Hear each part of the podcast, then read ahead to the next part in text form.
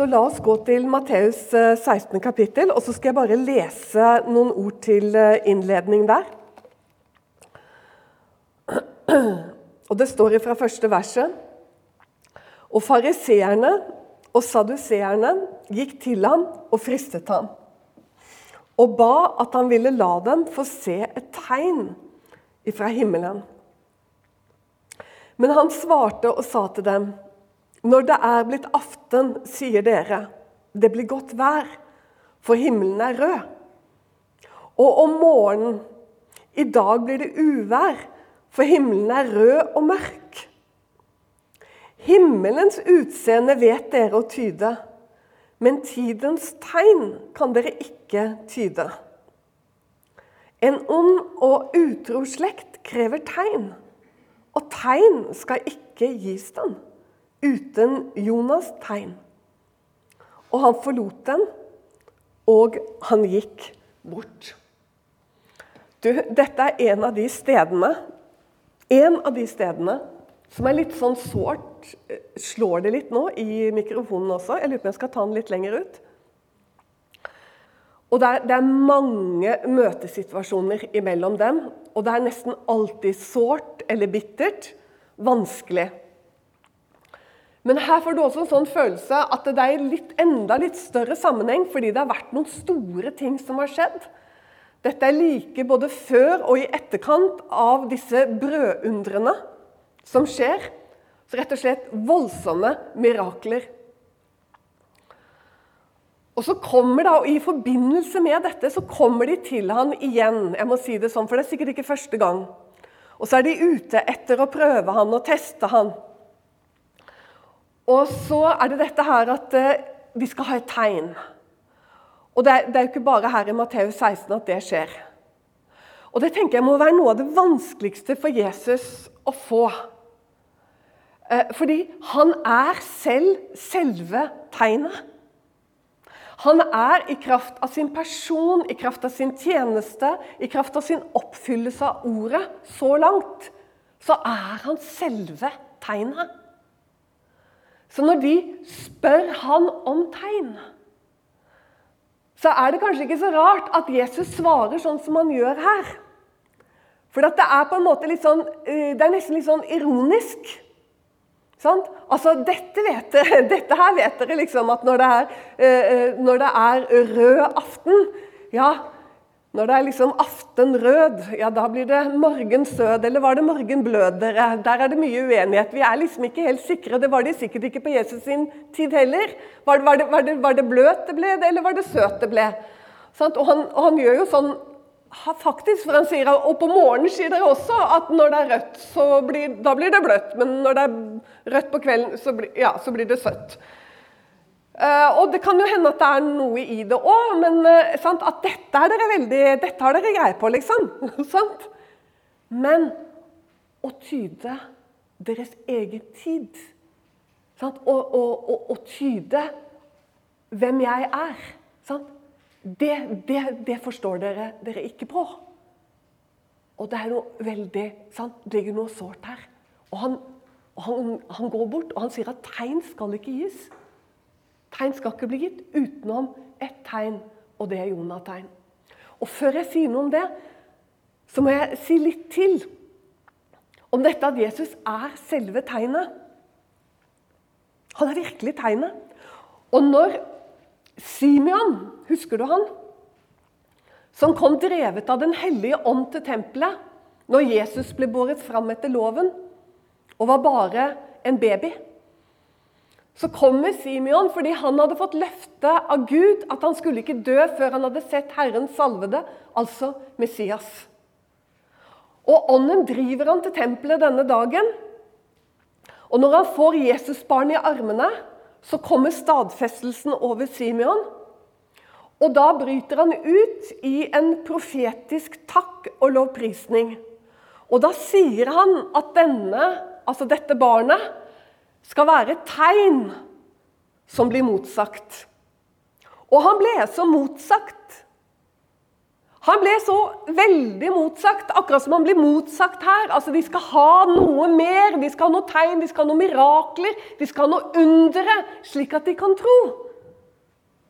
Han som står foran dem og er en sånn oppfyllelse av deres egne skrifter. Hør motsigelsen. Kan det komme noe godt fra Nasaret? Det var en som sa det, som allikevel, jeg tror, ble en troende. Det var vel Nathanael. ikke sant? Kan det komme noe bra fra Nasaret? Han burde vite bedre om løftene som var gitt over Nasaret, som hadde med Skriftenes Messias å gjøre. Eller de som spottet om at eh, de sa 'se etter selv og les'. Har det noen gang kommet en profet fra Galilea? sier fariseerne i en annen sammenheng. Men det er bedre enn som så. Om det ikke har kommet noen profet fra Galilea, så står det at Messias skal komme fra Galilea. Det står at et veldig lys skal stråle over hedningenes Galilea. Hvis du går til Skriftene, så ser du at Jesaja fikk lov til og bære det vitnesbyrdet ut til folket 700 år før han kom. At Galilea skulle ikke bare være det mørke Galilea. Galilea skulle gå opp et lys i Galilea. Det skulle gå opp stor nåde over Galilea.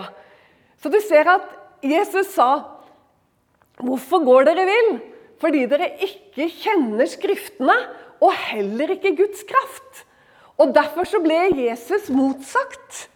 Om og om igjen. Akkurat som Simeon profeterte over han når han fikk han allerede som en liten baby i armene. Så fikk han si dette, som skulle følge Jesu tjeneste på denne jord. Av spott og motsigelser. Og det tror jeg, jeg, jeg, mener det, jeg tror det var det verste for han. Det var når de kom og skulle ha han til å gjøre et eller annet mirakel. Bare tenk på Herodes, liksom, som satt der og ventet. Og liksom bare Oi, deg har jeg lengtet etter å få se. Liksom et tegn et, et, Se et tegn av deg. Det er, sånn, det er sånn en situasjon. Og det er liksom eh, Ja. Men det er så viktig at vi forstår at det som gjaldt for den tiden, det kan veldig, veldig fort gjelde for vår egen tid. Nemlig tegnet, skriftene. Han er ordet. Og i kraften av at han var Ordet, så var han også tegnet.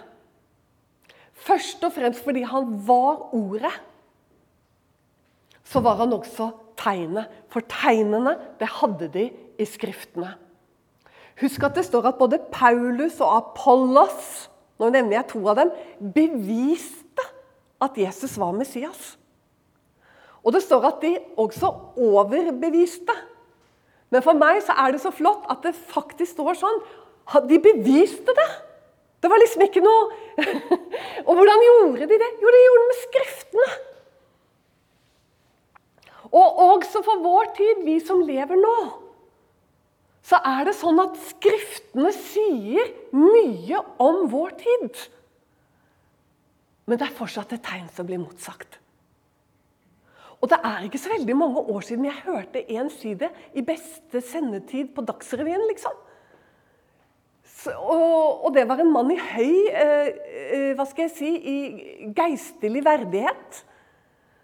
Som ble spurt om noe som var ganske åpenbart ifølge Skriftene. Og så sier han det har ingenting med Bibelen å gjøre. Eh, og da skjønner du at eh, Fariseer var ikke bare en rase som levde på den tiden. Et, et spesielt folk, et spesiell retning, en, en spesiell mm, En spesiell skole som ble, liksom forsvant med uh, den nytestamentlige tidlige tiden. Nei, det var det absolutt ikke. Fariseer, det er noe du, som uh, er interessant faktisk selve ordet fariseer. Eh, på hebraisk så har det et fantastisk spennende rot. Det kommer faktisk av å dele og å splitte. Interessant. Det visste du kanskje ikke. Det betyr å spre, splitte og dele. Ikke bare negativt, men også positivt. For science, dette ordet eh, fra det hebraiske opphavet, så eh, kommer, har det med fariseer å gjøre. Altså vitenskap. Det var de lærde. Det var de som, var de som eh, studerte Skriftene. Det var fariseerne. Men det blir jo også en litt sånn interessant valør. da, At det også var de som eh, spredte eller splittet. At du kan også få litt den negative siden inn i det. Men hvis vi nå går litt videre til Lukas, til det 11. kapittelet, så vet vi at der er Jesus igjen i en slik situasjon som ligner.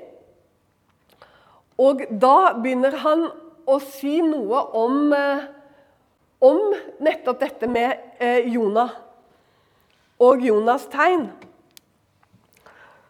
Og det er jo det er jo egentlig litt sånn utrolig, fordi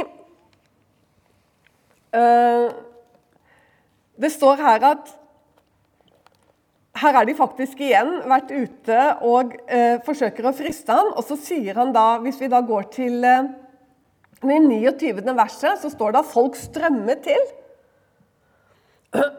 Og tenk deg det. Han, folk strømmer til, og Jesus tar til orde og sier denne slekt er en ond slekt. Det er, ikke, det er, liksom ikke det man tenker at når du har fått den store tilhørerskaren, hva, så er det det du på en måte Da er det liksom Her er han ikke bare i samtale med fariseerne, men her er han i samtale med liksom Her har folket virkelig kommet strømmende til. Og så sier han altså Denne slekt er en ond slekt. Den krever tegn. Og tegn skal ikke gis den uten Jonas' tegn. Her kommer det igjen. Her kommer det igjen i en annen situasjon. Så Jesus sa det flere ganger. For liksom Jonas ble et tegn for folket i Ninneve, slik skal også menneskesønnen bli det for denne slekt. Hvordan ble Jonas et tegn? Det står litt forskjellig, egentlig, og det er så bra eh, med evangeliene at noen ganger står det litt på den ene måten og litt på den andre måten. og Det er ingen selvmotsigelse i det. For de får fram ulike betydninger av det Jesus sa, og det han sto for, og det han mente. Vet du hva? Det er jo ingen som omvendte seg som Ninive. Jeg vet ikke om noe eksempel i Bibelen av en omvendelse av en slik karakter som det Ninive kom inn i. Og Hva var det Jonah gjorde? Vi, vi vet ikke så mye. Vi vet bare at første gang så fikk han beskjed at misgjerningene i Ninive, deres ondskap, hadde steget opp for han. Og så sier han 'gå derfor og tal for Ninive'. Han, ikke, han, har ikke fått vite hva han skal si, men han får beskjed om å gå og tale for Ninive. Og så vet vi hva Jonah gjør. Men Gud kommer igjen. Etter hans ulydighet og fall så kommer Gud til ham igjen og sier igjen til ham, 'Gå og tal for Ninive de ord jeg gir deg å tale. Så står det at Jonah går noe sånt noe som en dagsreise inn i Ninive, som er en kjempeby i Midtøsten på denne tiden. Og Det er ikke noe rart at Jonah var redd, for Ninive var jo beryktet over hele den daværende verden pga. nettopp sin ondskap. Og det er jo Israels hovedfiende på den tiden. Men han går inn, og vi vet bare at han sier at om så så lang tid, om 40 dager, så skal Nineve omstyrtes. Vi vet ikke om at han sa noe mer. Kan godt hende han sa noe mer om deres ondskap. Men det som står skrevet, er at han sa at det kommer en dom, og hele Nineve Alt blir omstyrtet. Alt blir lagt i grus. Da omvender Nineve seg. Simpelthen ved at Jonah kommer og forkynner dom. Jesus sier her i Lukas 11. kapittel at her er mer enn Jonah. Så Jesus kommer med mer enn Jonah. Ja, forkynnelse om dom hører til grunnvollen i Guds ord. Selv om det veldig sjelden blir forkynt, så hører det til grunnvollen i Guds ord. Men Jesus sier her er mer enn dom. Her er det også frelse fra dom. Men det er altså allikevel viktig å ta til seg at dette er det tegnet som gis en ond og vantro slekt. Det er ordet om dom og om frelse. Den hellige ånd er i verden for å overbevise om synd og om rettferdighet og om dom. Og Jesus sier det flere ganger. Når vi kommer til han og prøver han på ulike måter, så svarer han på denne måten fordi han vil minne dem om hva er det, hva er det hans eh, Det at han er åpenbart for verden, hva er det det betyr? Jo, det betyr omvendelse. Så viser han til Ninive, som er den byen og det stedet i hele bibelhistorien som hadde den sterkeste omvendelsen. Altså, Det var ikke bare menneskene som omvendte seg i Ninive. Til og med dyrene måtte omvende seg i Ninive. Menneskene måtte kle seg i sekk og aske og faste i tre dager. Men også dyrene ble kledd i sekk og, og, og, og liksom, eh, eh, fikk ikke spise eller drikke på tre dager. Det var en total omvendelse fra kongen og helt ned, helt ned til den, eh, hva skal du si, til den laveste, helt ned til fjøset og helt ned til stallen. Alt i Nineve skulle omvende seg. Og Dette her løfter Jesus fram, og så sier han til de byer og til de bygder i Israel på den tid som ikke vil omvende seg, så sier han at Nineve skal stå opp på hin dag og fordømme dere. For de omvendte seg på Jonas' forkynnelse, som bare kom med dom. Mens her er det mer enn Jonah. Og du, det er jo så det roper ut i vår egen tid. Vi er da jo ikke noe bedre enn Kapernaum i den tiden som vi lever i, og i den verden vi lever i. Hvor frimodig skal ikke vi være med å forkynne evangeliet om hva da? Overbevisning om synd, om rettferdighet og om dom. Og kanskje er det også nettopp det som, eh, som vil eh, kunne uh, bryte igjennom. I uh, Lukas kapitlet, i det 21. kapitlet så står det noe om tegnene, om å forstå tiden. Og du må lese det. hvis det er en stund siden du har lest det nå, så les det igjen. Hele kapitlet. Et fantastisk kapittel. Og det er ordnet på en litt annen måte enn Matteus evangeliet 24. kapittel, som du kanskje har lest mest i når det gjelder tegnene og eh, hva som skal kjennetegne tiden før han kommer igjen. Når du leser Matteus, så er det enda litt vanskeligere enn i Lukas å forstå på en måte hvordan du skal dele det inn, og hva som er oppfylt og hva som ikke er oppfylt, og hva som muligens er oppfylt og allikevel kommer til å komme igjen. Det at noe skjedde den gangen, betyr ikke at det ikke kan skje igjen i vår tid. Men det som er bra, er å lese Lukas, fordi i Lukasevangeliet så har på en måte Lukas ordnet det litt for oss på forhånd. Sånn at der er det litt lettere å forstå hva du i hvert fall kan si helt sikkert at ble oppfylt mellom år 70 og år 135 etter Kristus. Så når du leser eh, den første delen av disse tegnene hos Lukas, så er det litt mer ordnet og litt lettere å sette seg inn i. Men så kommer det til et skifte. Og det skiftet eh, er så bra, det da løfter på en måte Lukas blikket, og så hjelper han oss å komme opp og over i tider for disiplene tider som er langt framme, de som sitter og, på en måte, og leser Lukas på den tiden. Men for oss så blir det jo veldig gjenkjennelig. Fordi det står faktisk da i Er det i det 223. verset? Skal vi se. Så, så kommer disse ordene om eh, 24. verset. Og de skal falle for sverds egg og føres fangene til alle folkeslag, og Jerusalem skal ligge nedtrådt av hedninger inntil hedningenes tid er til ende. Her kommer det plutselig inn noe som skjærer inn i tiden. Så står det at det skal skje tegn i sol, måne og stjerner. Og på jorden skal folkene engstes i fortvilelse når hav og brenninger bruser. Og dette er også et sånt tegn som er i overensstemmelse også med de gamle profetene. I kveld, kanskje før du legger deg, så skal du ta med ikke bare å lese Lukas 11. kapittel og 21. kapittel, men les gjerne Jesaja 24. Der har jo Jesaja fått lov til å på en måte male det hele. Om hvordan de store tegnene kommer i naturen før eh, Jesu gjenkomst. Og Lukas han skriver spesielt om det. Om hvordan eh, havet, brenningene, og hvordan folk begynner å engstes og frykte på jorden for de tegnene som kommer.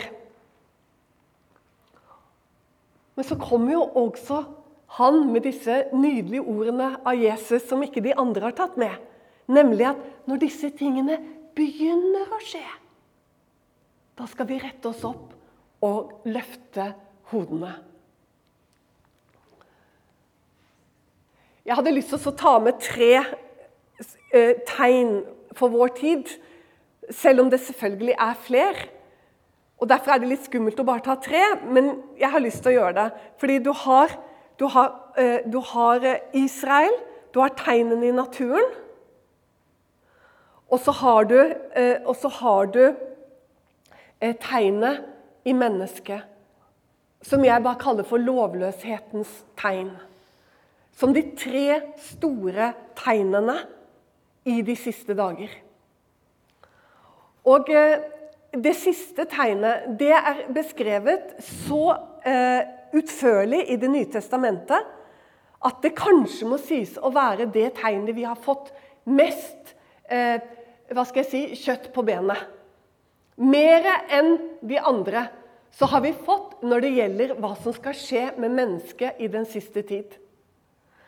Og Jesus han brukte ikke Ninneve, og det hadde jo vært veldig godt og til trøst for oss hvis han sa at det skulle bli som på Ninneves tid. For da kunne det være en stort håp om en, en, en voldsom omvendelse i de siste tider.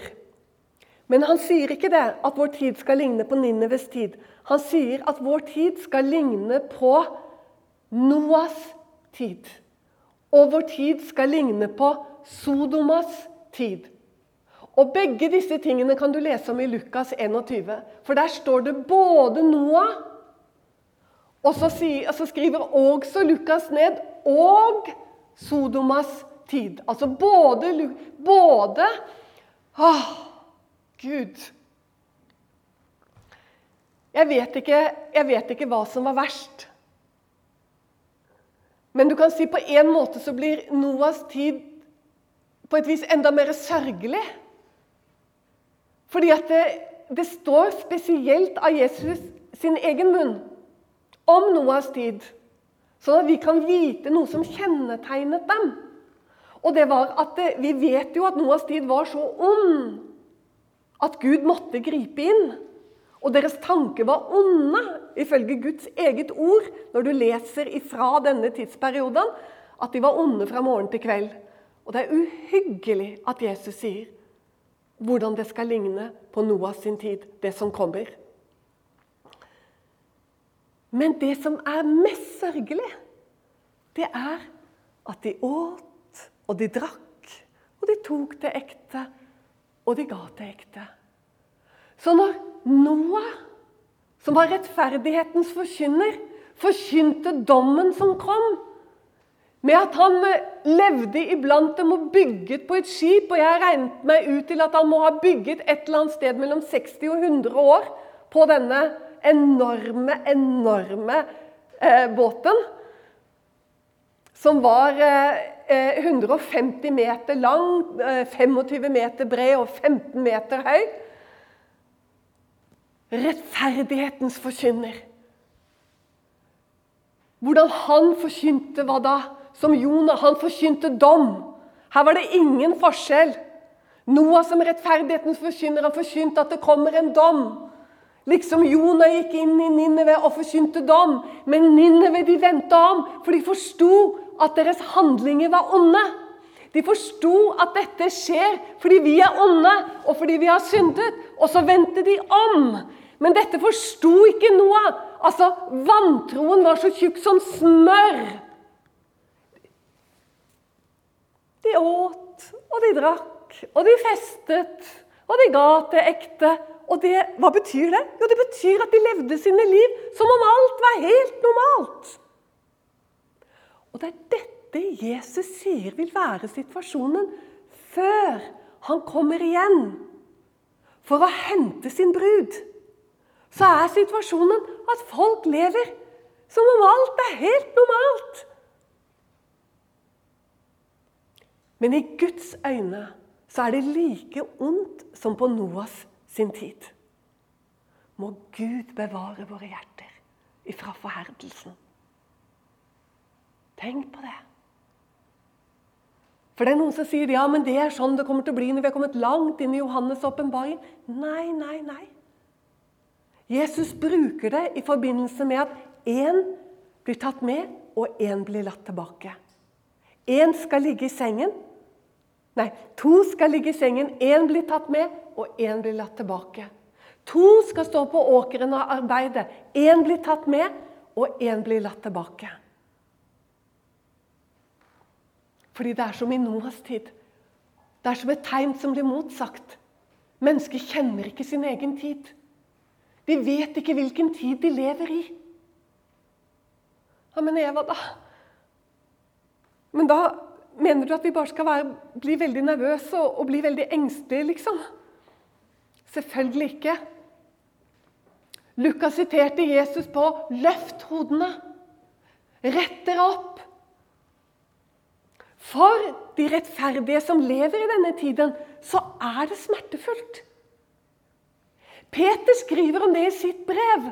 For han sier det samme som Jesus, at det blir som på Sodomas tid, sier han. Men så sier han videre at det vil bli slik som det var for Lot. For Lot, som var en rettferdig som levde iblant dem, han led, sier han, i sin rettferdige sjel. Dag og natt over de lovløse handlinger han så og hørte. Han led over denne lovløsheten. Og hvis du er våken i denne tid, så lider du. Mens vi ennå ikke har kommet til veis ende, for hvor mye jeg tror Gud vil slippe til før han kommer igjen for å hente sin brud. Men du skjønner det at er du Jesu brud, så lider du i denne tid. På samme måte som Lot led i Sodoma. For han led over den lovløsheten han så. Og på samme måte så skal også vi lide i dag. Og Hvis ikke du kjenner denne lidelsen og pinen, så kan det hende at du trenger å våkne opp. For husk at vår tid ble også motsagt. For hvis det var slik at Jesus ble motsagt når han kom første gang, så kommer han til å bli enda mer motsagt nå, i vår tid. Og så har han gitt oss altså disse tre store tegnene. Og Det ene heter Israel, det andre heter at naturen på godt norsk eh, går mer og mer av hengslene.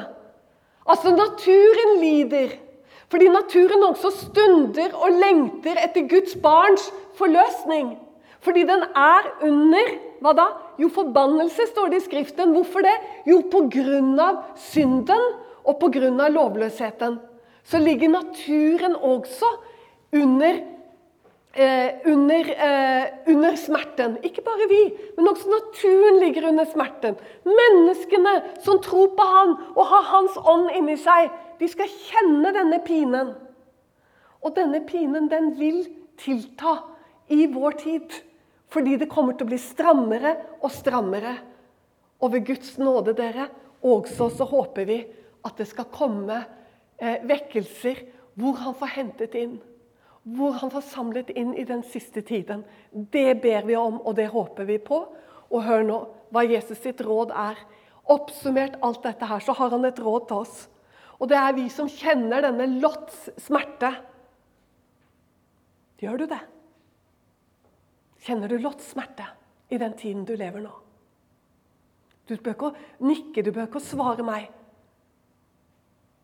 Men jeg spør deg bare Kjenner du Lots smerte? Jeg håper du gjør det.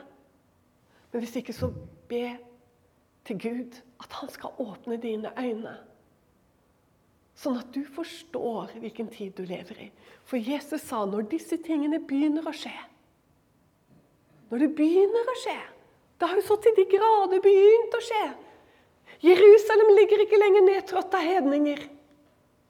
Naturens tegn er så mange at jeg hadde trengt flere timer for å stå her og fortelle om alle tegnene i naturen. Også det blir motsagt av mange kristne.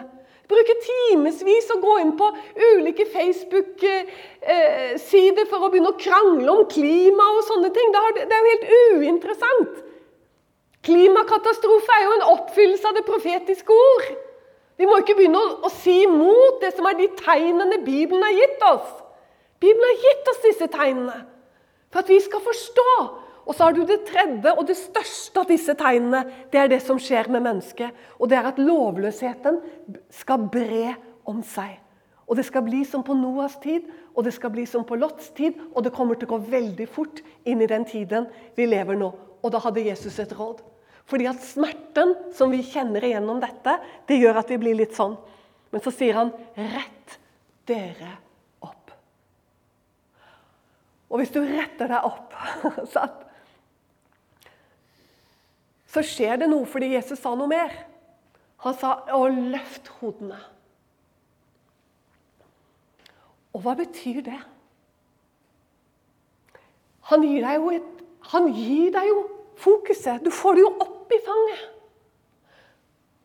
Han sa når han var her på jorden, iblant de som ville høre på ham, så irettesetter han Martha. Og så sier han ett er nødvendig. Men det ene nødvendige, det er enda mer nødvendig i dag. I dag er det helt nødvendig at du retter fokuset opp imot det som skal komme. Det som vi sang så nydelig om dette riket. Denne, denne morgenrøden som kommer, denne dagen som kommer, som aldri mer skal bli natt. Og før det så kommer han for å hente sin menighet. Han kommer for å hente Jeg liker egentlig å si hans brud. Fordi jeg tror at det, dessverre så sier jo Jesus at mange skal si til han på hin dag Har vi ikke talt profetisk i ditt navn? Har vi ikke gjort store gjerninger i ditt navn? Har vi ikke gjort kraftige ting i ditt navn? Og skal si 'bort fra meg', dere som gjorde hva da? Lovløshet! Det er ikke det det står i min bibel. Det står urettferdighet i min bibel. Ja, men det er feil!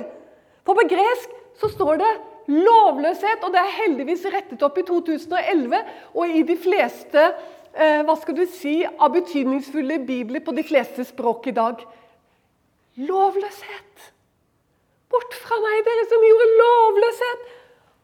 Viser oss bare med en setning at denne lovløsheten som hersker i verden, den kommer til å komme inn over menighetene og få rom i menighetene. Og blir et tegn. Slik at Det skal ikke bare være en smerte for oss, men det er et tegn. Fordi at Jesus sa det før det skjer, for at vi skal tro når det skjer. Det var jo akkurat som når Jesus gikk her første gang, så var det jo en rekke ting de hadde fått beskjed om gjennom Skriftene. De hadde fått beskjed at han skulle være Judas stamme. De hadde fått beskjed at han skulle komme av Davids ett. De hadde fått beskjed at han skulle fødes i Betlehem. At han skulle fødes av et jomfru. Alt dette hadde de fått beskjed om. Allikevel så motsier de han. Allikevel så går de inn og motsier. Samme i dag. Jesus har sagt at naturen kommer til å komme i opprør. Hav og brenninger begynner å bruse. De motsier det, sitter og krangler om alt mulig. Tøys som ikke burde vært kranglet om i det hele tatt, for det er jo et tegn! Naturen er et tegn! Israel er et tegn, og det motsies.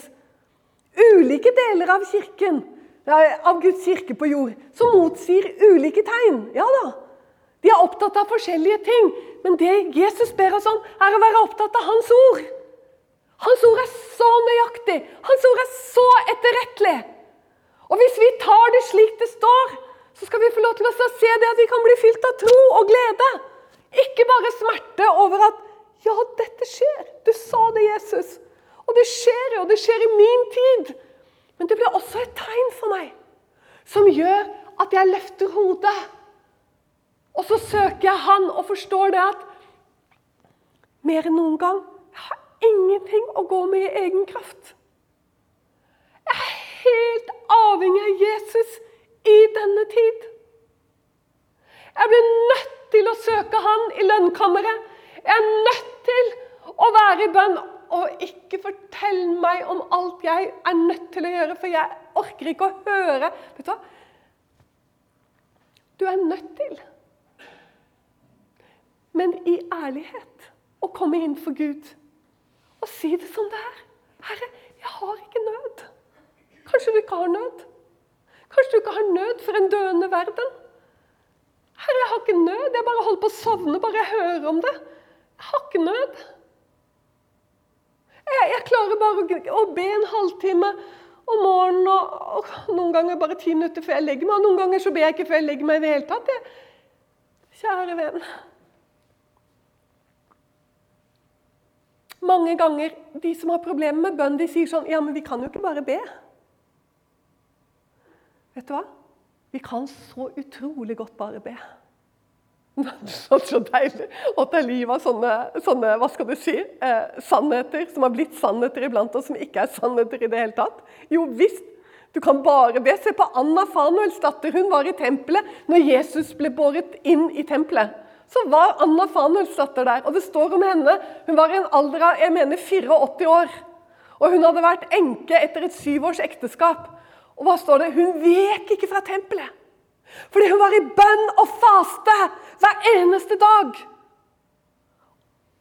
Jeg regner med at Simeon var av litt samme kaliberet. Og han hadde fått høre fra Gud. Han forsto sin egen tid. Han kom drevet av ånden til tempelet. Han kjente tiden sin. Han fikk Jesusbarn i armene. Han forsto hvem det var han hadde i armene sine. Han forsto sin egen tid. Hvorfor det? Fordi at Simeon levde i bønn. Fordi at Anna Fanuels datter levde i bønn. Ja, Men man kan ikke bare be. Jo visst, man kan bare be. Jeg leste om Marie Monsen som ble sendt ut eh, fra Misjonssambandet for veldig mange år siden nå. Hun er en veldig veldig kjent misjonær. Vet du hva? Hun gjorde ikke annet enn å be omtrent. Og hun, overalt hvor hun kom i Kina, så kom hun med bønn, bønn og bønn. Og hun fikk disse nasjonale, små, små, små gruppene og menighetene som allerede Hun kom mange ganger der hvor det allerede hadde vært pionerer. Men det hun innførte, det var bønn. Og det var da vekkelsen kom. Da kom vekkelsen. Hvorfor det? Jo, for de gjorde ikke noe annet enn å be. Les Marie Monsens egne skrifter. De ba i timevis. Hva det koster dere å få vekkelse til landet? Hva det koster man kan bli så sliten av å høre folk snakke om vekkelse, og det kommer vekkelse. Da kan de sitte og tro at det skal komme en vekkelse. Det kommer ingen vekkelse. Det kommer vekkelse her. Når du skjønner Forstår du? Når nøden har kommet inn i hjertet ditt De gamle de snakket om nåden og bønnens ånd. Vet du hva det er? Nåden og bønnens ånd. Det, det er en sånn ånd du får, som gjør at det er vanskeligere å gå ut fra bønnemøtet enn å gå dit. Det er sånn at det blir vanskelig å dra fra bønnemøtene. Da kan, man, da kan vi begynne å snakke om vekkelse. Men vekkelse er ikke noe som bare plutselig ramler ned. Vekkelse kommer alltid pga. bønn. Se på Wesley, se på Hans Nilsen Hauge. Se på Asusa Street. Ja, men Eva, nå legger du listen på et sted jeg overhodet ikke er. skjønner du sånn? Altså, Vi er jo ikke her. Nei, men der er Guds ord. Der er Gud. Løft hodene. Nå skal vi gå til avslutning til, i Salme 24. Og det er en underlig liten salme. Og øh, jeg øh, har alltid vært veldig glad i denne salmen. Jeg har egentlig aldri turt å å si så mye om den sånn offentlig. Og jeg vet at det er et løfte over Israel i denne salmen, men den brukes Men den er jo like god for oss som Guds barn. Og hør nå. Dette i det sjette verset er deres ett, de som spør etter ham. De som søker ditt åsyn. Jakobs barn, Sela.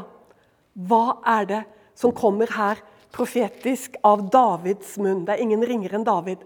Hva er det han sier? Det er bare sånn utrolig profetisk. Løft! Løft dere porter! Løft deres hoder! Og løft dere evige dører, så herlighetens konge kan dra inn. Hvem er den herlighetens konge? Det er Herren, sterk og veldig. Herren veldig i strid. Løft dere, dere porter, og løft dere, dere hoder, og løft dere evige dører, så herlighetens konge kan dra inn. Hvem er den herlighetens konge? Det er Herren, herskarenes Gud. Han er herlighetens konge.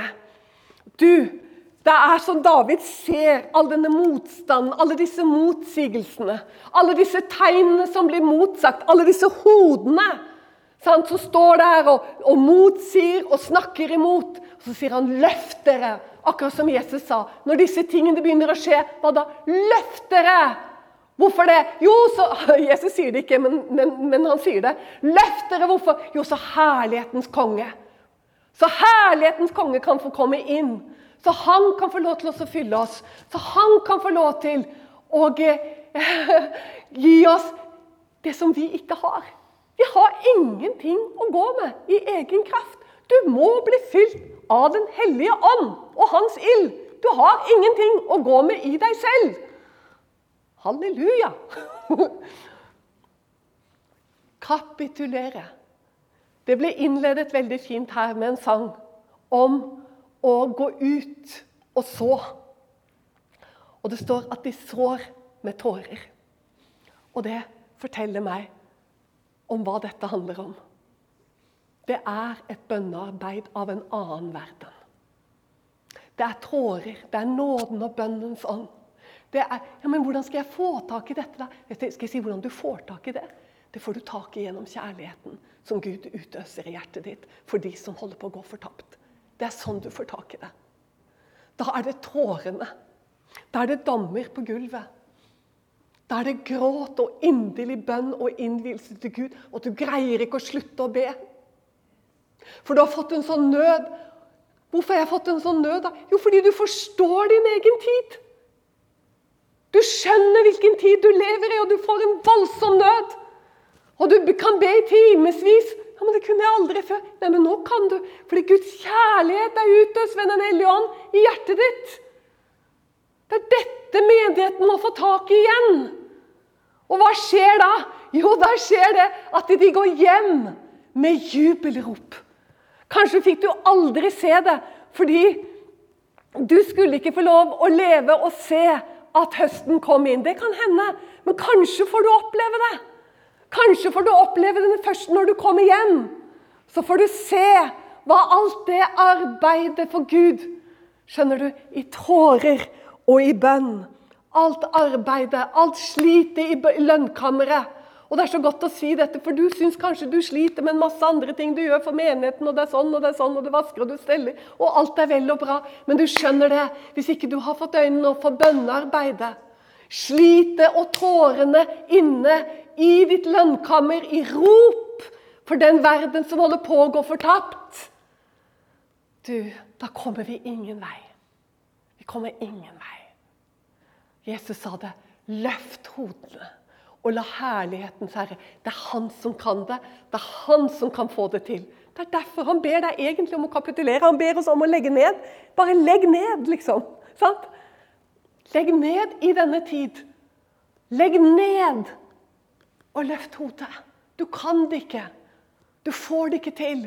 Nytter ikke å gå og proklamere, liksom. liksom du går og proklamerer, du har lært at det er det du skal gjøre. Hjelper ingenting.